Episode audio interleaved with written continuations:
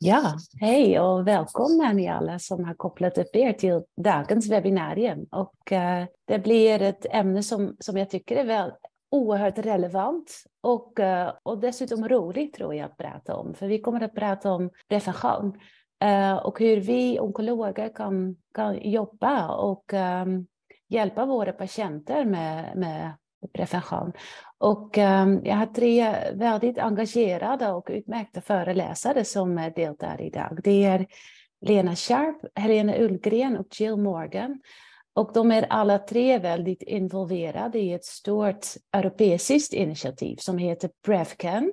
Um, och uh, vi kommer att prata om, uh, om det. Och det kommer även, uh, det kommer Jill att berätta också hur, hur vi onkologer kan, kan tänka kring prevention och hur vi själv kan agera för att ändra vår patientens eller vårt eget beteende. Jag vet inte om du kommer att prata om hur vi själv kan jobba med prevention också till.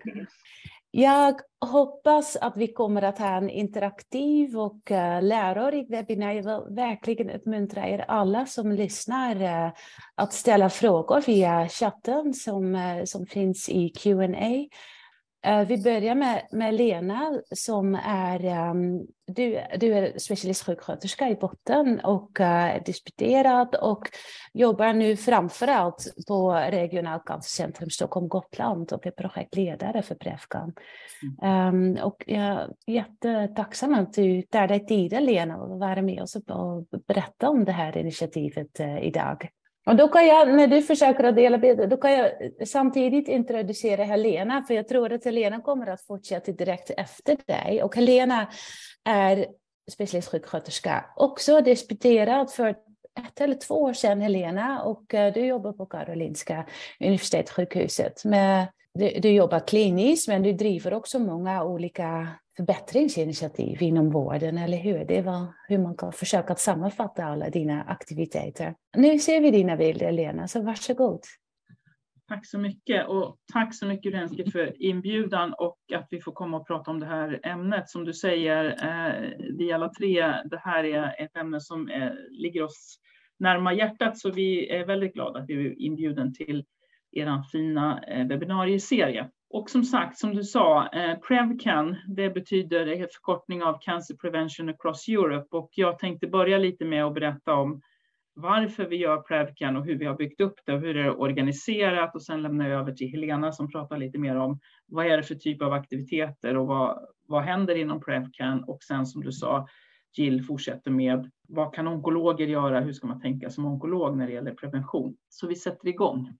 Så varför Prevcan? Ja, vi vet ju alla att insjuknandet i cancer ökar. Även om dödligheten minskar i många länder, inklusive Sverige, så fortsätter ju insjuknandet i cancer att öka. Och vi vet också mer kring riskfaktorerna om cancer. Jag har jobbat med cancervård sedan 1985 när jag blev sjuksköterska och eh, då, då visste vi såklart om rökning, men inte så mycket mer om riskfaktorerna. I övrigt sa vi man kan leva som vanligt, det finns inget som påverkar, men idag vet vi ju väldigt mycket mer om det. Eh, och också att, de här, att det, eh, det vi känner till om riskfaktorerna, att många av dem är påverkbara. Det handlar ju ofta om levnadsvanor, men också om vaccinering och deltagande i screeningprogrammen och så vidare. Men ett av problemen är ju att kunskapen kring riskfaktorerna behöver öka generellt. Det gäller både hos allmänheten och i många fall också från, bland hälso och sjukvårdspersonal visar ju ganska omfattande forskning faktiskt att eh, vi inte riktigt känner till alla riskfaktorer eh, tillräckligt väl.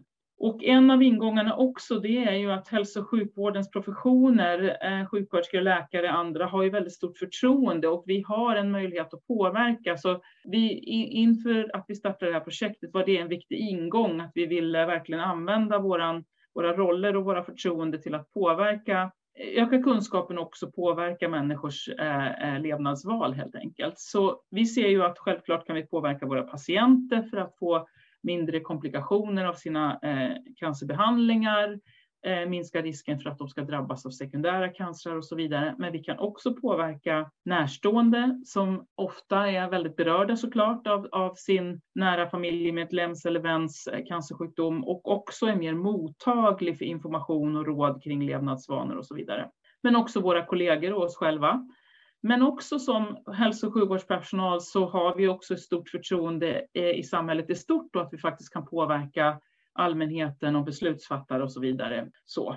Och det här är, så vitt vi vet, så är det här första gången som en cancerpreventiv kampanj genomförs gemensamt av läkare och sjuksköterskor och patienter tillsammans. Och Prevcan innehåller ju både den här cancerpreventiva kampanjen som vi ska prata om, men också forskningsinslag som Helena nämnde lite mer om, men också utbildningsinsatser. Så lite då siffror vad det handlar om. Det är ett omfattande cancerpreventivt projekt då med Hittills är vi 66 organisationer som är inblandade runt om i Europa. Eh, det är organisationer i 22 olika länder, varav 18 är EU-länder. Det är dels då internationella organisationer som representerar hälso och sjukvårdspersonal då, som, som sjuksköterskor och onkologer. Så EONS är ju the European Oncology Nursing Society, vilket Helena och jag representerar, men också ESMO som är onkologernas eh, europeiska organisation och också OncoAlert som eh, leds av Jill Morgan. Men också patientorganisationerna är med och vi har också ett samarbete med forskarna inom IARC som är WHOs forskningsorganisation. Eh, det är 15 universitet som är med i Prevcan hittills. Det, det, här ändras ju hela tiden för man hoppar ofta på under tiden när man får veta lite mer om det. Också flera hälso och sjukvårdsorganisationer och vi har 17 nationella sjuksköterskeorganisationer i Sverige, eller nationella i olika länder förstås.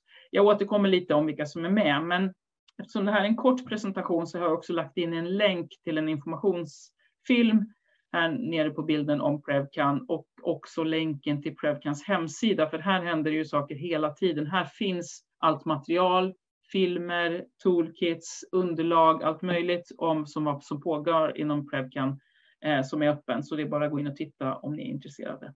Det här är för några månader sedan, då var vi 60 organisationer, nu är vi som sagt 66, så ni känner igen kanske några av de här organisationerna eh, som är med, med en väldigt stor spridning.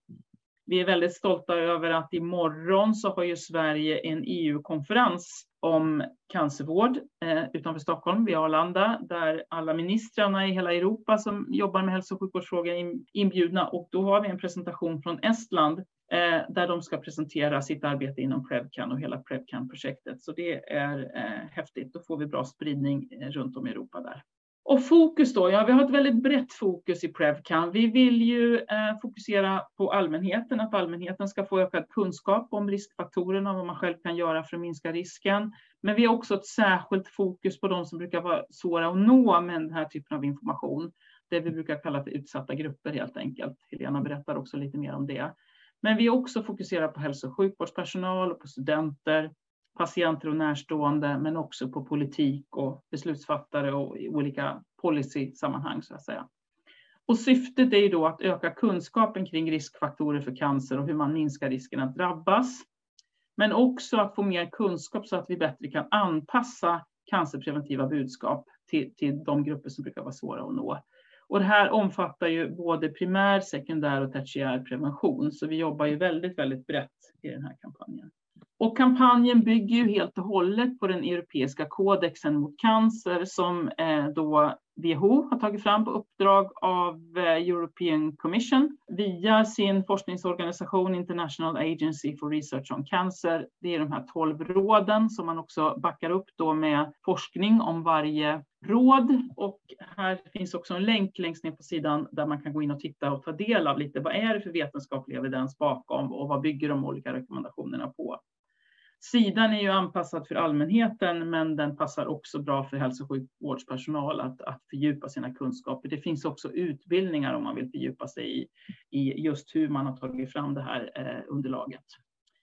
Kampanjen den pågår under 12 månader och det är 12 råd, så det var, var ganska praktiskt. Vi började, vi lanserade i september ska jag säga i samband med den stora ESMO-konferensen i Paris men själva första månaden och det fokuset började i oktober, så då började vi att kommunicera kring eh, rekommendation 1 som handlar om rökning då.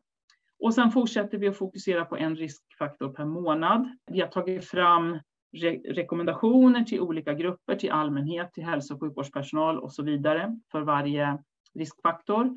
Vi har också tagit fram kampanjmaterial på 25 olika språk det har varit ganska komplicerat, eh, men det fortsätter vi att göra och ibland är det inte så enkelt så att det är bara att översätta utan det här ställer till det lite för oss ibland. Men det har blivit riktigt bra. Så för alla som är med så kan man ta del av det här kampanjmaterialet varje månad på 25 olika språk. Vi har tagit fram olika grafiska underlag, vad vi kallar för toolkits, olika budskap. Vi gör webbinarier, vi gör olika kamp kampanjaktiviteter, filmer och så vidare som Helena sen pratar lite mer om. Och vad innebär det då att vara med? Ja, det kostar ju ingenting om en organisation vill vara med, utan man får ju tillgång till all kampanjmaterial på svenska och vilka språk man vill.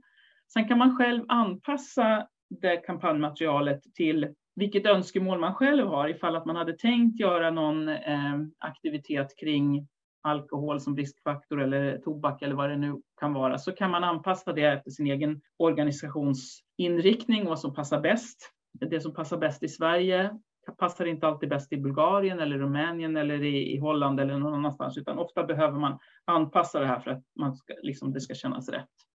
Man kan också använda den egna organisationens logga om man vill så, och kommer också synas på projekthemsidan. Och man kan då välja olika nivåer i hur, hur delaktig man vill vara. Ja, den lägsta nivån är väl då att stötta kampanjen och hjälpa till att sprida budskap.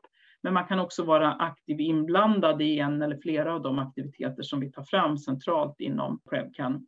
Men man kan också arrangera sina egna aktiviteter då, hur man vill, och kopplade till Prevcan. Kampanjmaterialet ska då inte spridas eller användas innan avsedd kampanjmånad, utan man håller sig inom den här månaden eller efter, bara för att man ska få så mycket fokus som möjligt då Eh, på just frågan. Och det har gått jättebra måste jag säga. Vi har tät dialog med våra 66 partners, så det funkar rätt bra.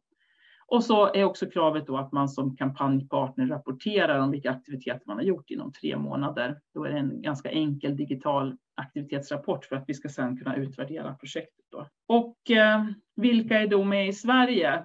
Ja, vi har åtta regioner som är med. Alla uppe i norr är med. Sen har vi några lite i mitten och lite söderut. RCC Stockholm Gotland är med som partner, också RCC Samverkan, sjuksköterskor i cancervård, sjuksköterskor mot tobak, Riksföreningen Kontaktmetoden är med och sen också Karma som är den stora forskningsgruppen eh, som inom KI är också med. Sprider information om riskfaktorer för cancer via eh, mammografienheter bland annat. Så det, de har precis nyligen gått med. Så det är bra, det sprider sig bra det här. Och når vi då ut? Ja, vi ser faktiskt att vi når ut. Vi är lite förvånade över det. Eh, vi ser, det här är ju bara i början, eftersom, eftersom kampanjpartnerna har tre månader på sig att rapportera, eh, så har vi bara de första månaderna än med. Men då ser vi att de flesta når faktiskt ut till mer än 20 000 personer och flera aktiviteter har runt ut till över 120 000 personer. Och det vi är totalt medvetna om att nå ut är inte samma sak som att man tänker ändra sina levnadsvanor eller att man minskar risken cancerincidensen. Men ett, ett första steg är att se till att nå ut med informationen och det är också syftet med Prevcan. Så, så vi följer det här noga och eh, vi ser också att det är en stor variation i vad det är för aktiviteter som de olika organisationerna bidrar i. Men, men som sagt, vi, vi ser att vi når ut. Jag tror att det var sista bilden. Jag tackar för mig där. Eh, här har ni min eh, e-mailadress om någon vill kontakta mig för, eller om ni vill vara med på något sätt. Tack. Stort tack Lena. Ska vi fortsätta med din presentation direkt, Helena, för dem? Mm, tack.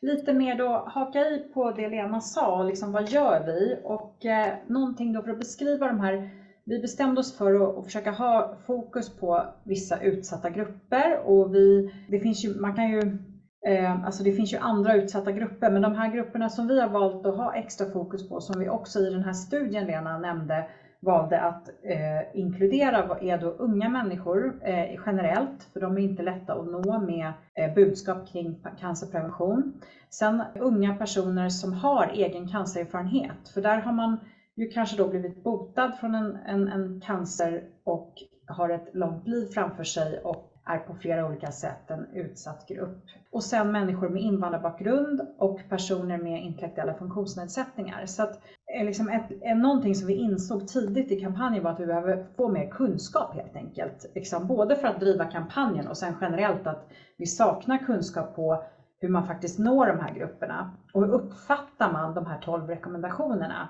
Kring cancerprevention. Så att vi har gjort en studie och har haft sex fokusgruppsintervjuer med de här grupperna. Vi då utgick från de 12 rekommendationerna och eh, frågade vad, hur de uppfattade dem, hur, vad de hade som förslag, hur, hur vi skulle kunna nå dem bättre och så vidare. Och vi har precis gjort färdigt analysen och håller på med manus, så det är mycket spännande. Och, och ifall jag ska säga någonting så skulle jag vilja passa på att säga att det här med pekpinnar fungerar inte på för någon grupp. Utan man vill hellre förstå, vill förstå också vad man vinner på att till exempel sluta röka eller träna mer och så vidare. Och man behöver stöd. Så att samhället behöver också gå in här. Det är inte bara, man kan inte lägga allt på individen liksom för att kunna ta till sig de här rekommendationerna. Eh, och, så att vi, och vi tänker ju att vi ska använda oss av resultatet liksom både i kampanjen och sen såklart publicera det här. Vad gör vi mer då? Jo, vi, alltså, som Lena sa, det är en enorm variation i vad man gör både per månad och mellan alla olika organisationer. Men mycket har ju varit att eh, det, det, är otroligt mycket informations och kommunikationsaktiviteter i de olika regionerna i Sverige. Och eh, en del är liksom, eh, fokuserar kanske mer, väljer att fokusera mer på en av budskapen och, och så vidare. Och vi har eh, jättenära samarbete med hälsoinformatörer i olika stadsdelar och kommuner som till exempel har jättebra kontakt med människor från olika länder som kanske har liksom eh, inte går på screening och så vidare. Så vi har ju, RCC har ju redan haft ett samarbete men de är också med och jätteaktiva i att både delta och göra filmer och sprida de här budskapen. Så det är väldigt roligt. Och vi har också gjort filmer också anpassade efter sociala medier eh, där, som både är gjorda av och med människor, unga människor med invandrarbakgrund. Och ni kan se det på vår hemsida så ligger eh, alla de här, eller många av de här filmerna och det, vi försöker sprida dem så mycket vi kan. Och där, eh, det här har också lärt oss väldigt mycket bara att liksom få ta tag i och göra filmer kring eh, till exempel tobak eller fysisk aktivitet. Och sen så eh, har vi ju då haft och har fortfarande mycket aktiviteter kring det här med övervikt bland eh, hälso och sjukvårdspersonal. Liksom till exempel olika trapputmaningar och sånt på RCC. Och det finns mycket man kan göra kring det här men vi har valt att rikta oss åt oss som alltså, jobbar med det här, att vi också ska vara goda förebilder och jobba med det här. Och sen har vi också haft eh, kring liksom fysisk aktivitet till allmänheten eh, och vi har en nationell kampanj eh, senare i år för att öka deltagande i screening. Och sen kan jag också nämna att eh, den nationella arbetsgruppen för cancerprevention kommer gå ut i mars och ha en kampanj kring alkohol och det är väldigt intressant projekt för att de samarbetar med Systembolaget som är partners i det här, vilket är häftigt. Så det, det, ser vi mycket fram emot. Jag tror, jag kan se om det var något mer. Jo, det här med precis fokus på arbetsmiljörisker och cancer i maj. Eh, och det här är ju väldigt aktuellt för oss som jobbar inom cancervården, alltså det här med hur skyddar vi oss mot att bli utsatta för till exempel rester av cytostatika på, när man är på en enhet där patienter får cytostatika och så vidare. Så det här det kommer vi också sätta fokus på extra då. Och bara lite exempel på de här som Lena nämnde och visade lite av hur de här olika, vi har ju skapat då, anpassat dem efter, utefter de 12 råden så har vi gjort egen, eget material. Och det här är bara lite exempel på hur det kan se ut. Eh, och de här, är man kampanjpartner får man ju ta del av allt det här. Och sen kan man då som ni ser här sätta in sin egen logga på den organisationen som då är med. Så att vi har lite liksom, det utgår från budskapen men vi har försökt faktiskt att formulera dem på ett litet annat sätt för att nå ut bättre. Jag vet inte om du vill nämna något om de här Lena mer som du tycker jag, men jag, jag det här har varit också otroligt roligt och lärorikt för att det också triggar mig som sjuksköterska i hur man faktiskt pratar om de här sakerna. Nej, men det intressanta kan vi se att vi var ju lite oroliga för att de här skulle uppfattas också väldigt mycket som pekpinnar, de här äh, toolkitsen. Och det bygger ju på det. Den här kodexen är ju väldigt pekpinneaktig liksom. Och vi kunde inte gå från dem hur mycket som helst. Men vi ser ju när vi utvärderar att de flesta organisationerna har använt de här toolkitten och de här budskapen, men de har också anpassat dem efter sina egna preferenser så att säga. Och det är ju precis vad som var meningen för att man ska nå ut. Man måste liksom vara känslig för målgruppen för att kunna anpassa det, det bra. Men det mest intressanta är väl att det här som vi har tyckt varit mycket pekpinnar, den, den grupp som verkar ha uppfattat det minst är ju invandrargruppen som säger, nej, säg som det är, rakt på, inte linda in det för mycket. Så där är ju det en del av svårigheten att, att man får anpassa sig ut efter både, både individuella skillnader och också i, i olika grupper så att säga. Och eh, jag vill också kommentera att eh, vi har ju liksom märkt när vi, några av budskapen är direkt riktade till allmänheten och några till oss som hälso och sjukvårdspersonal. Och när vi har delat det här med våra kollegor och så vidare så har vi fått till exempel kring det här med övervikt och fetma ganska mycket pushback från vissa som tycker att det här kan man inte prata om, det är fat shaming och så vidare. Alltså, eh, att vissa ämnen är känsliga för oss. Men vi har liksom, vår hållning har ändå varit att vi måste ju låta människor få information och välja själva. Att det liksom mer det, man kan inte bortse från till exempel övervikt som en riskfaktor. Eh, liksom att, eh, det är samma lite med alkohol och, som vi ska gå in på senare nu i vår och, och så, hur man liksom pratar om det här som läkare, sjuksköterska. Och däremot i, i studien kan jag säga att man vill höra det här från hälso och sjukvårdspersonal. Mm. Man tycker att vi är betrodda, det är liksom vi, vi har en slags power om vi går ut med de här sakerna som, för att vi är experter. Så det, det, tror jag liksom, det har motiverat mig till att också bli bättre på att faktiskt våga prata om det här med patienterna mer, när man redan, även om du redan har en, en, en cancer. Men det var väl det här jag tänkte visa. Tack så, mycket, alltså, tack så mycket Helena. Innan eh, Jill fortsätter, jag, jag hade bara en fråga, eller jag satt och funderade, hur kan vi som hälso och sjukvårdspersonal hjälpa varandra att leva mer hälsosamt? Och eh, för det är alltid mycket tryck på jobbet, det finns mycket mm. som ska göras och då är det ingen tid att ta trappan upp till tionde våningen. Då tar man hissen för det går mycket fortare. Och, mm. Eller det där med alkohol till exempel. Ja, och det där är jättebra att du lyfter, för vi vet ju också att, det, att hälso och sjukvårdspersonal ofta har, ja, man ska inte säga dålig hälsa, för det ska man inte generalisera, men det är ofta mycket hälsoproblem bland hälso och sjukvårdspersonal, så att vi behöver ju verkligen se efter vår egen hälsa. Och precis som du säger, stressad på jobbet, eh, hinner inte äta ordentligt, hinner inte, hinner inte. Men att det nu som nu i, i, februari så är ju eh, fokus på kost.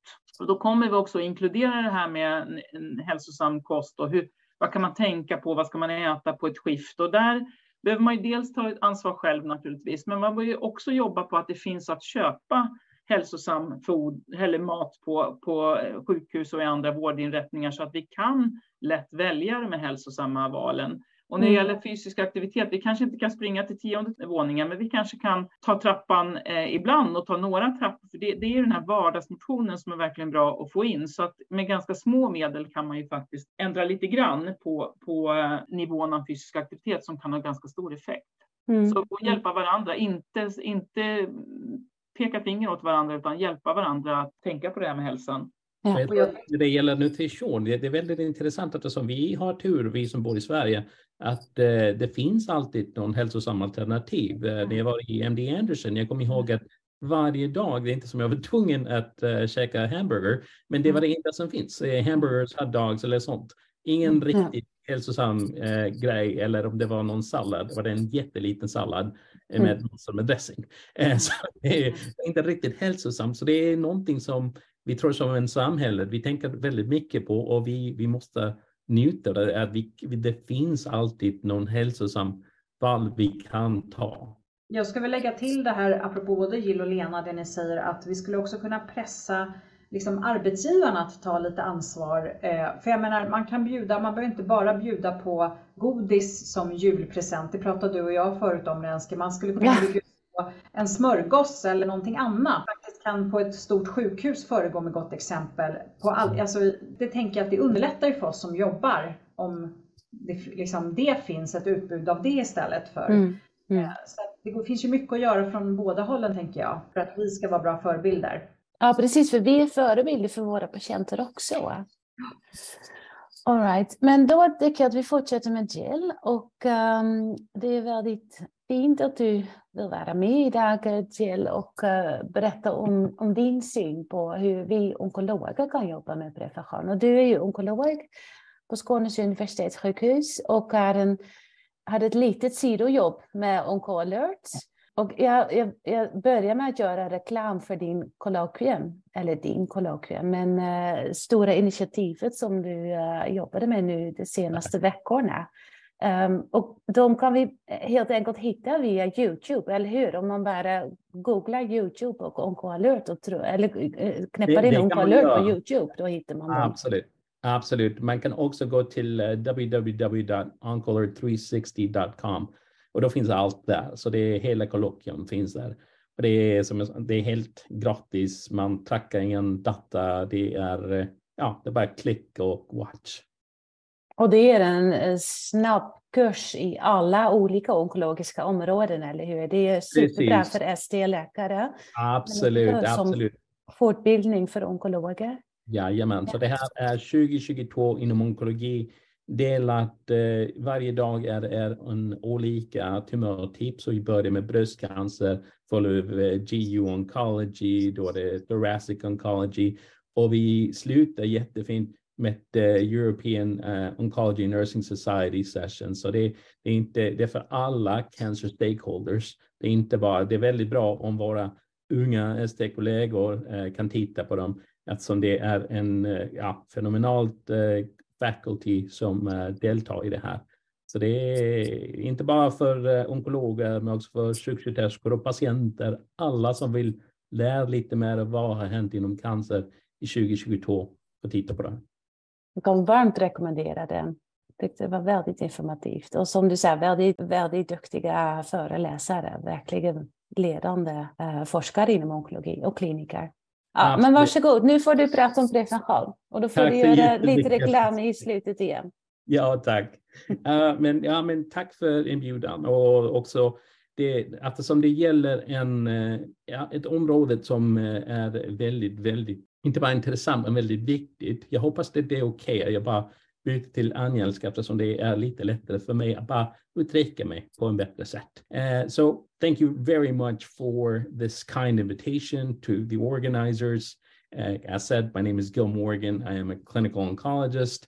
I direct the OncoAlert network. And just a little something about OncoAlert. We're a global network of oncology stakeholders who can promote oncology education, advocacy, and amplify oncology news.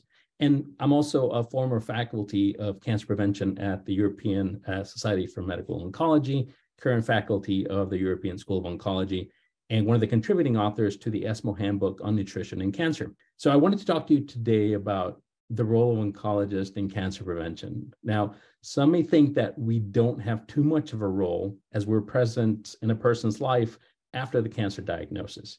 But I hope to show you that there are different ways that we can impact prevention and actually help our society. So, looking at the data from Europe, it's alarming to think that one out of three of us will be getting cancer at some point in time. Yes, we know that this doesn't really translate into mortality, as this doesn't mean 33% of the world's population will die. It just simply means that with better treatments, we will have more survivorship of cancer, which is a good thing. However, there is better alternatives, as oftentimes this is something that can be prevented with changes. It's estimated that up to 40% of cancers can be prevented if actually risk factors are modified. And it's these modifications that actually, if we voice our recommendations, not only to our patients, but our patients' family, and even out to the society, we can actually have a much bigger impact. So, out of these modifications, there is no one that is more important, at least in my opinion, than smoking. Now, here we can actually affect many. We all have patients that come in for a routine visit. Uh, we hopefully ask about their smoking habits and we inform them about the effects of smoking, uh, that this is something that, in fact, uh, is going to impede the best treatment for them if they continue smoking during the time of treatment.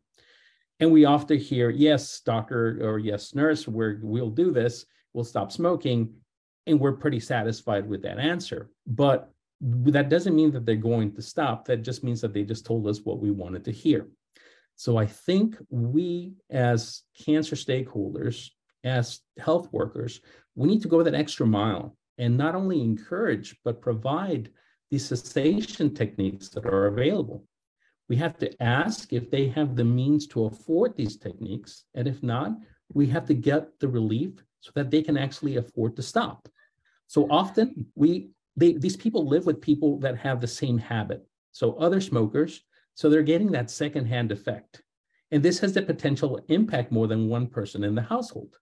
Maybe it's that that person in the household is the one that's smoking, it's impeding the patient from quitting cigarettes. So it's really good that we have a discussion, not only with the patient, but with the patient's loved ones who only wants the best for the patient to make sure that they know that the risks that are coming with smoking. So we really need to improve on the joint conversation. One of the other one is excess weight. And this is something that I it's very dear to my heart because it's it's something that a lot of us struggle with. Although most of the time during treatment, we worry about the opposite. We worry about our patients losing weight. Our patient losing and gaining is not a good thing. And later on, when they when they finish the treatment and they go up in weight, do we check up that they have a stable weight? Are we really giving them the instructions of this is what a healthy diet will look like? This is what a healthy regimen of exercise is going to look like.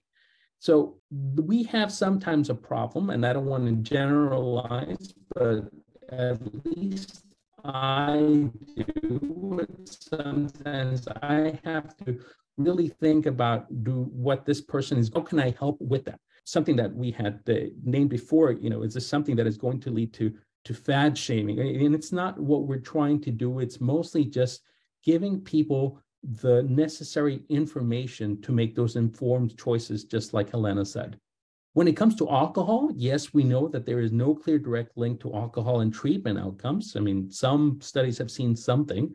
However, there is a very clear link to alcohol and cancer development. So, although someone drinks and it might not interrupt their treatment, it could lead to the development of another type of cancer in the future if they do have an alcohol problem. And this is actually a really good way to prevent cancer. Here, this is something that we really need to focus and it's not just it. This is something coming from the European Society of Medical Oncology, where the oncologist in general has a great potential in the prevention, but also our oncology nurses in the primary and secondary prevention. And that is why it's necessary to have this teamwork between nurses and doctors because together we can provide stronger support to the community. So talking about our role in primary prevention, he, here we can actually do our bit by taking a stand. Uh, such things like HPV vaccine recommendations, encouraging checkups like pap smears, warning about sun exposure. We can have a bigger impact than we actually think simply by taking five minutes of our time to talk to our patients about it. Oftentimes, it's easy to assume someone else has already mentioned this to our patient, but it is well worth asking how much that person knows. Something that is very common knowledge to us could be life saving for others. So, as mentioned before, smoking is, is a big issue, but also after the treatment, helping people get a place where they can actually stop warning about e-cigarettes. Uh, right now, they they sound like they are an alternative, and they're really not. This just increases people's nicotine dependence and increases the chance that the people that are using e-cigarettes will come back to smoking and will probably even smoke more. Alcohol uh, is a problem, and we should put more focus on it, especially when taking a personal history.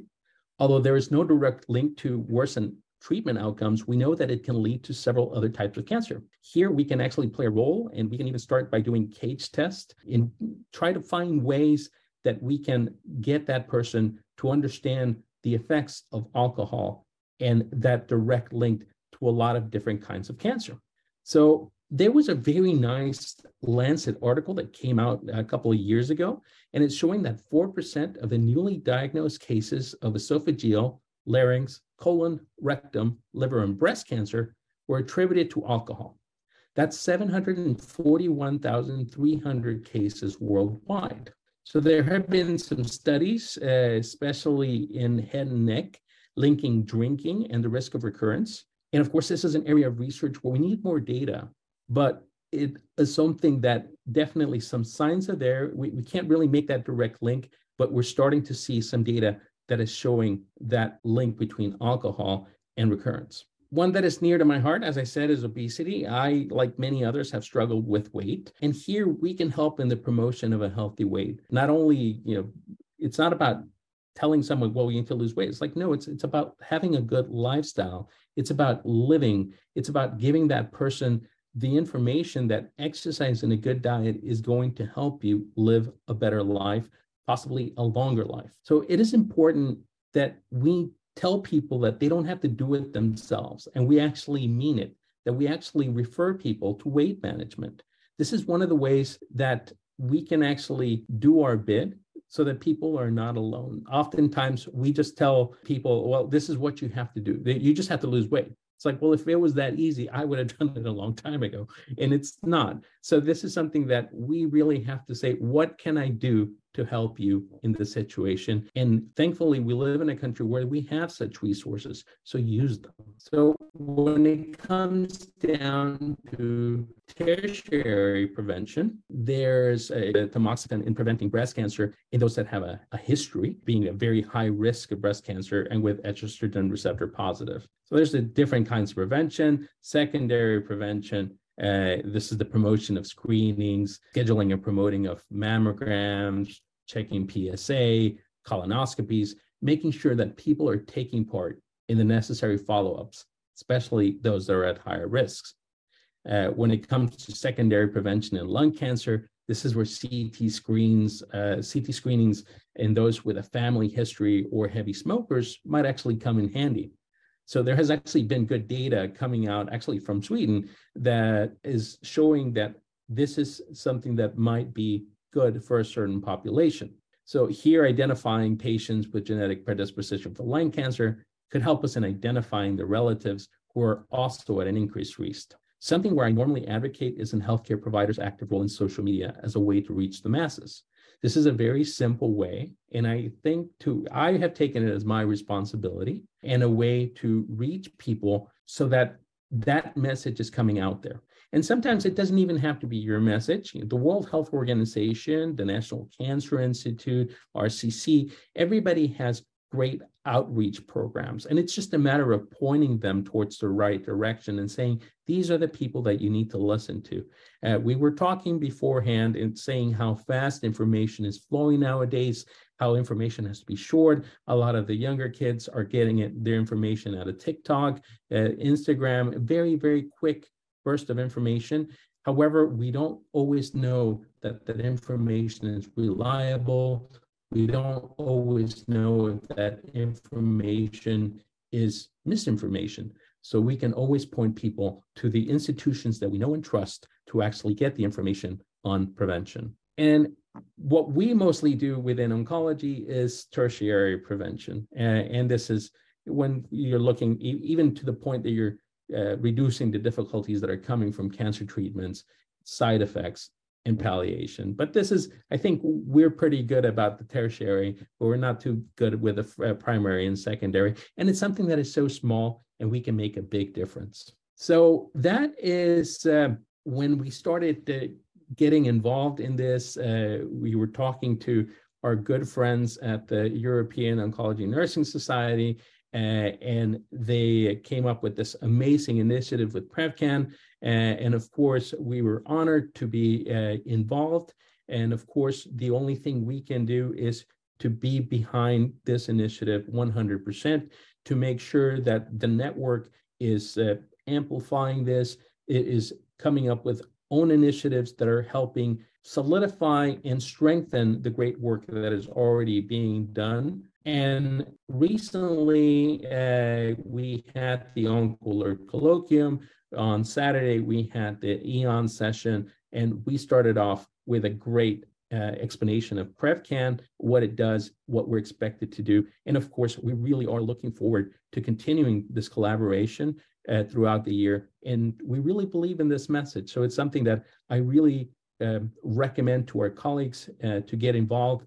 And even just something that you can do in your daily practice is just make these small changes take those extra five minutes to talk to your patient because they could go a very long way. So take home messages, don't estimate, underestimate the power of your voice and that people are actually listening because they are. I would really advocate for having a social media presence and using that social media presence to go ahead and tell people about prevention. And sometimes we ourselves might be overweight and not get enough physical uh, activity, but that doesn't mean we don't talk about it. That doesn't mean we don't talk about the problem.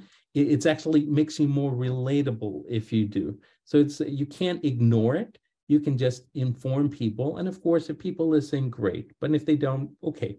But make sure that you're doing your bit. Thank you very much for the invitation.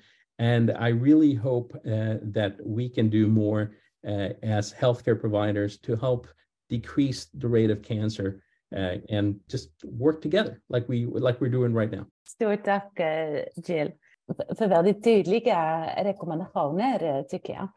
Och jag tänkte fråga er, vi har inte fått några frågor via chatten, men jag, jag tänkte att bara fråga är, det finns olika områden som man kan jobba med. Och, men om vi nu sitter med en patient som vi träffar imorgon, hur, hur börjar man? Var ska man börja? För det är så mycket, det är aktivitet, vad man äter, vikt, rökning, alkohol. Hur, kan ni ge oss några praktiska ledtrådar hur man kan lägga upp utan att det drar över tid på en timme någon en patient som plötsligt öppnar upp och för det kan vi inte heller hantera, tyvärr. Jag tänker att kanske Jill har bäst eh, inspel här, men jag tänker en, sak är ju att öppna med, liksom en öppen fråga. Att hur tänker du kring hälsan och ditt, eh, liksom, hur tänker du kring eh, olika vanor och så vidare. Att man lämnar en öppen fråga och in, inte börjar med de här pekpinnarna utan låter personen tala. Och då kommer ju ofta att jag har funderat på och säger man nej, det där vill jag inte prata om, då är det ju bara att låta det vara.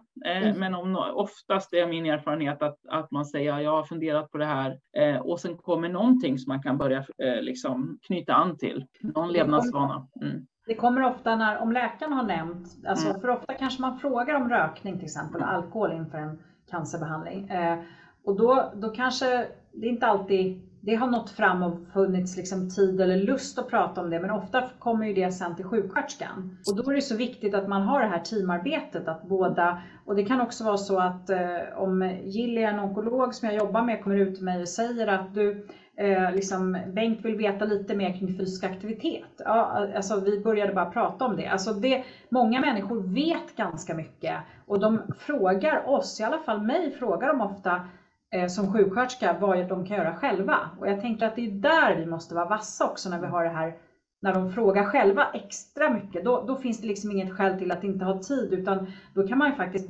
prata om det nästa gång eller fråga, någon, ja men liksom hjälpas åt i teamet om man själv liksom som läkare tänker jag har ont om tid. Så jag tror att alla vi behöver snappa upp de här signalerna bättre också. Jag tror från läkarsida är det så att eh, man har tre olika, eller jag säger tre olika strategier som man kan använda. Frågar man någonting, är den, ja, är den positiv till detta? Är det, så, är det så att den vill ha hjälp? Det är bara remittera över till någon annan eller lyfta luren och så är det någonting som ett eh, är det näring som det gäller? Är det, men det ring inte tyst och säg, har ni möjlighet? Jag har en patient som bla bla bla. Samma sak när det är att uh, eh, sluta röka. Okej, okay, det, det finns vi har den möjligheten att vi kan ringa någon. Det, det är inte som vi som jobbar som sjuksköterskor och läkare behöver ta den bollen. Men det finns folk som redan jobbar med det och som är mycket mer kunniga än vad vi är när det gäller sån typ av grejer. Så det är så, vi får bara lämna det här över till proffsen. Det finns en andra där de säger, ah, du, ah, ah, jag vet inte. Okej, okay, det, det var inte en nej.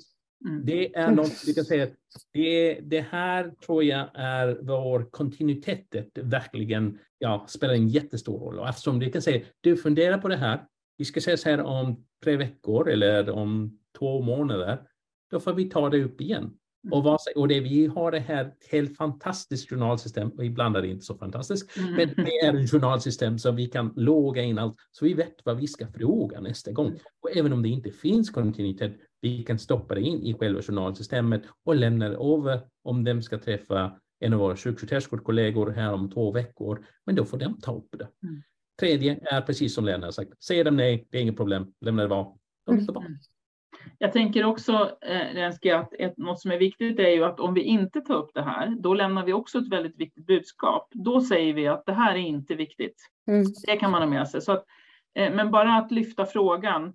Eh, det finns ju faktiskt forskning som visar att, att det finns cancerpatienter som slutar röka bara av att de får frågan. För det är, då har man fått en signal från mm. vården att det här är en viktig fråga. Även om ingen har sagt du måste eller du ska eller någonting så, så börjar man då jobba på sin egen motivation. Så egentligen tror jag att det är det som är det viktigaste, att vi vågar närma oss. Och när jag är provokativ till mina kollegor så brukar jag säga att vi har inga problem att fråga folk om avföringsvanor och annat eh, så, i detalj. Men det här tycker vi är jättesvårt. Så att det handlar väl om att vi måste att vi måste jobba lite mer strukturerat och våga närma oss frågorna helt enkelt. Ja, ja och, och det kommer ju väldigt nära oss själva också. Ja.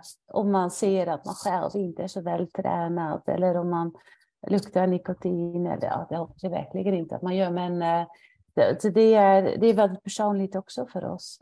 Om ni får välja, vad, vilken domän ska man satsa mest på? Vad, vad vinner man mest med?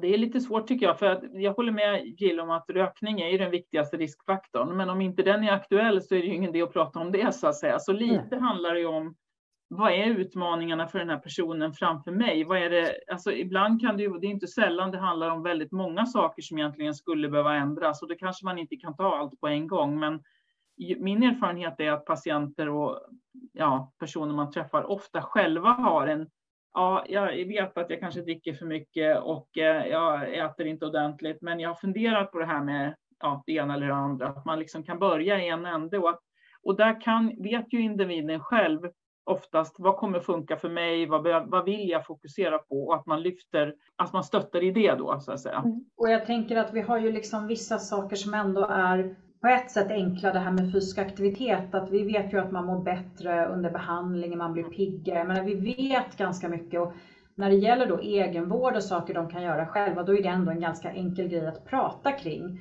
Och där är det ju inte så svårt att identifiera vad som är rätt nivå för den patienten egentligen. För de här som verkligen är och vet med sig att de sitter stilla mycket, de, där är ju liksom enkla sätt som ändå gör mycket, till exempel ta promenader och allt det där. Alltså att det, jag tycker att det finns, ganska, det finns flera saker som, som man kan prata om utan att det blir för mycket. Så jag mm. tänker man behöver inte vara så rädd om att det blir för mycket utan man märker ju också vad, vad personen har för utmaningar. Som Lena säger, om man inte röker då är den bollen borta. Liksom. Mm, mm, mm. Och det gör ju de flesta inte i Sverige faktiskt. Så, så att, men men är det, gör man det, då är det ju där man behöver börja. Mm. Men alkohol däremot? Mm. Ja, och det, det är en känslig fråga. Det märker man även, vissa kollegor vill inte ta upp det. Man tycker synd om folk. Eh, alltså, nu är jag provokativ, men det är ju lite så. Det känner jag igen. Det kan vara svårt att ta upp det med någon man vet har problem speciellt. Du menar att man inte vill låta sin patient känna sig obekväm eller? Ja, skuldbelägga. Men på något sätt, även om du pratar med en människa med lungcancer som är storrökare, de här personerna vet ofta väldigt ångrar att man har rökt så mycket till exempel. Eller om det är någonting med alkohol. Och då kan man ju liksom, det kan man prata om. Mm. Och vi kan ganska enkelt visa att vi inte lägger någon skuld och förstår att det är svårt. Men, men för mig känns det verkligen fel att inte våga prata om det. När vi vet allt det här. Men, Dessutom finns det ju de här, eh, som våra studier som vi har precis analyserat visar ju alla de här missförstånden, okunskapen som finns i alla, alla grupper. Och det var ju liksom slående hur det fanns de som jobbar med cancerprevention som själv trodde att ja, men, vin är nyttigt, öl är ju farligt, men vin är nyttigt, det är bra för hjärtat, så det är bra varje dag. Det är, min man dricker ö, vin varje dag, för det är bra för hans blodtryck, men inte öl. Eh, och, och, det var massor med missförstånd som eh, det här med radon i hemmet, trodde man var kopplat till elektriska element, mikrougnar, teflonpannor. Allt, alltså vi, vi fick massor med eh, bevis på att man inte har kunskap. Missuppfattningar. Eh, så, så, ja, missuppfattningar, precis ja. så heter det på svenska. Eh, liksom, som vi behöver, om man lyfter det här så kan man ju klargöra lite av sådana här missförstånd och missuppfattningar. Och ni nämnde hemsidan, för det finns en hemsida och det, det, den hittar man säkert om man googlar Prefcan, eller hur? Ja, då hittar ja. man den. Ja, finns det också... Där, oh, förlåt, nej, berätta. Ja, men där fylls det på hela tiden med nya eh, filmer och aktiviteter som man kan använda. Och de som är med i Prevcan, de kan ju använda det hur mycket de vill. De får ju allt material eh, kostnadsfritt. Så där, bara, ja, och vill man inte det så hjälp oss gärna att sprida budskapen. Det kan alla göra. Mm. Vad, ehm, vad, vad, har ni själv äh, lärt er när, när, när, ni har jobbat nu så mycket med prevention? Så jag, jag, kan börja med mig själv. Jag tyckte att det var väldigt konfronterande vad du la upp på Twitter hela tiden, Lena, med de där bergen och att man skulle gå alla steg. Så jag har verkligen pressat mig själv att gå framförallt uppför trapporna. Men uh, jag tycker ändå när man gör det lilla, det, det känns ju mycket bättre. Ja, och vi har sett i våra team nu, vi, vi har precis nått Mount Everest om man, om man översätter det i trappsteg mm. två gånger under bara januari i vårt team. Wow. Eh, och då förstår man ju, och det, det, är ju, det är en ploj, men det är ju en grej att förstå att jag försöker ju att tänka nu att jag inte ska eh, ta hissen om, om inte jag har åtta matkassar. Mm. Det gör ju så stor skillnad. Jag ser ju att det också är lättare, att jag är mindre liksom flåsig, så att den här lilla vardagsmotionen gör ju faktiskt skillnad. Och mm. Visst kan man bli provocerad av det, men det är också lite slentrian att bara ta hissen för den kommer. Men annars tänker jag att eh, det vi har lärt oss, eh, dels att vi faktiskt når ut mer än vad vi trodde att vi skulle nå ut och sen att det här som Helena var inne på, eh, individer behöver information, men de behöver stöd nära omkring sig där hälso och sjukvårdspersonal är en viktig källa till det stödet. Men också att samhället behöver gå in med stöd. Man, det ska vara enkelt att handla rätt mat i affären, det är det inte idag. Det, det ska mm det ska vara enkelt och att, att gå på screening och att ta del av HPV-vaccination och så vidare. Det ska vara enkelt, tillgängligt och så vidare. Så de tre sakerna ser vi att behöver kombineras. Tack. Helena och Jill, har ni någonting att lägga till? Nej, nej, det är bara det är väldigt, väldigt eh, tacksam för det här samtalet.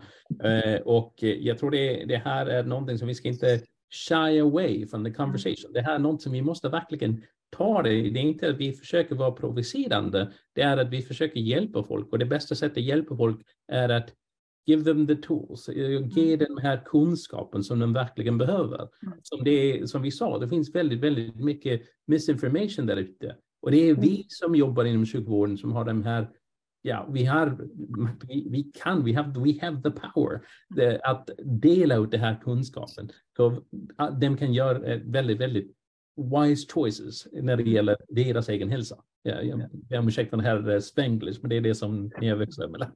Nej, men eh, jag tycker jag har lärt mig lite så här personligen att eh, när man har hållit på med den här kampanjen så har man ju själv blivit väldigt medveten om sig själv. Och det är ju jättebra. Eh, och, börjat, och något som jag stämmer mycket med det vi har lärt oss i studien tycker jag är att man behöver också tycka att det är roligt och känna att man mår bra av något. Man kan inte bara sluta röka, träna, sluta dricka mindre för att man är rädd för att få cancer. Det funkar inte så.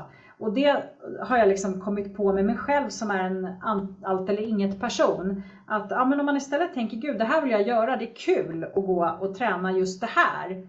Det kanske inte är det man rekommenderar, det kanske, alltså, det hjälper en att faktiskt komma vidare och bli bättre. Liksom, träna mer till exempel som det var i mm. mitt fall, att jag ville komma tillbaka till det. Och jag insåg att det går ju inte bara för att jag sätter upp så här konstiga mål, jag måste tycka att det är kul. Och det sa ju verkligen de här individerna vi eh, liksom intervjuade också att det måste vara att man vinner något på det. Och det har jag lärt mig att eh, där tror jag vi har en nyckel också att hitta det här när vi pratar med, med folk om de här grejerna. Att man faktiskt mår bättre. Att det Precis, och det handlar inte bara om att förebygga cancer eller minska risken för recidiv. Man mår ju bättre av hälsosam livsstil. Ja, och man ja hälsa funkar bättre än hälsa. Ja. Nej, men också det här med till exempel, det är inte bara om eh, liksom det här man äter och dricker och röker och så vidare. Det handlar ju också om till exempel passiv rökning. Det är ju en cancerrisk som vi alla kan se till att vi inte exponeras för. Och vi mm. kan hjälpa till. Alltså, så det är ju också så, den typen av, av kunskap som behöver, eh, liksom, det, det såg vi också att de flesta vet ju inte att det är en cancerrisk, passiv rökning. Fint. Men, men då tycker jag att, att vi rekommenderar alla som har tittat och de som kommer att titta i efterhand att de går till Prefgans hemsida och de går till OncoAlert360.com för att titta på kollokvien. Mm. Jag tror att det är de där två hemsidor som vi rekommenderar alla att checka ut. Stort tack Lena, Helena och Jill att ni var med idag. Och, uh, tack för alla ni som, uh, som tittade och lyssnade. Och jag hoppas att ni blev lika inspirerade som jag. Um, vi ses igen nästa vecka. Då pratar vi om lymfom. Och uh, här ser ni även i skärmen de planerade webbinarier de närmaste månader. Ehm, um, ter teranostik, Eh, och det kommer vi att prata om vad det är och varför vi tycker att det är viktigt att onkologer lär sig mer om det. Melanom, eh, uh, uroonkologi och bröstonkologi, det är det vi kommer att uh, få veta mer om den närmaste månaden. Tack så jättemycket ni alla, tack!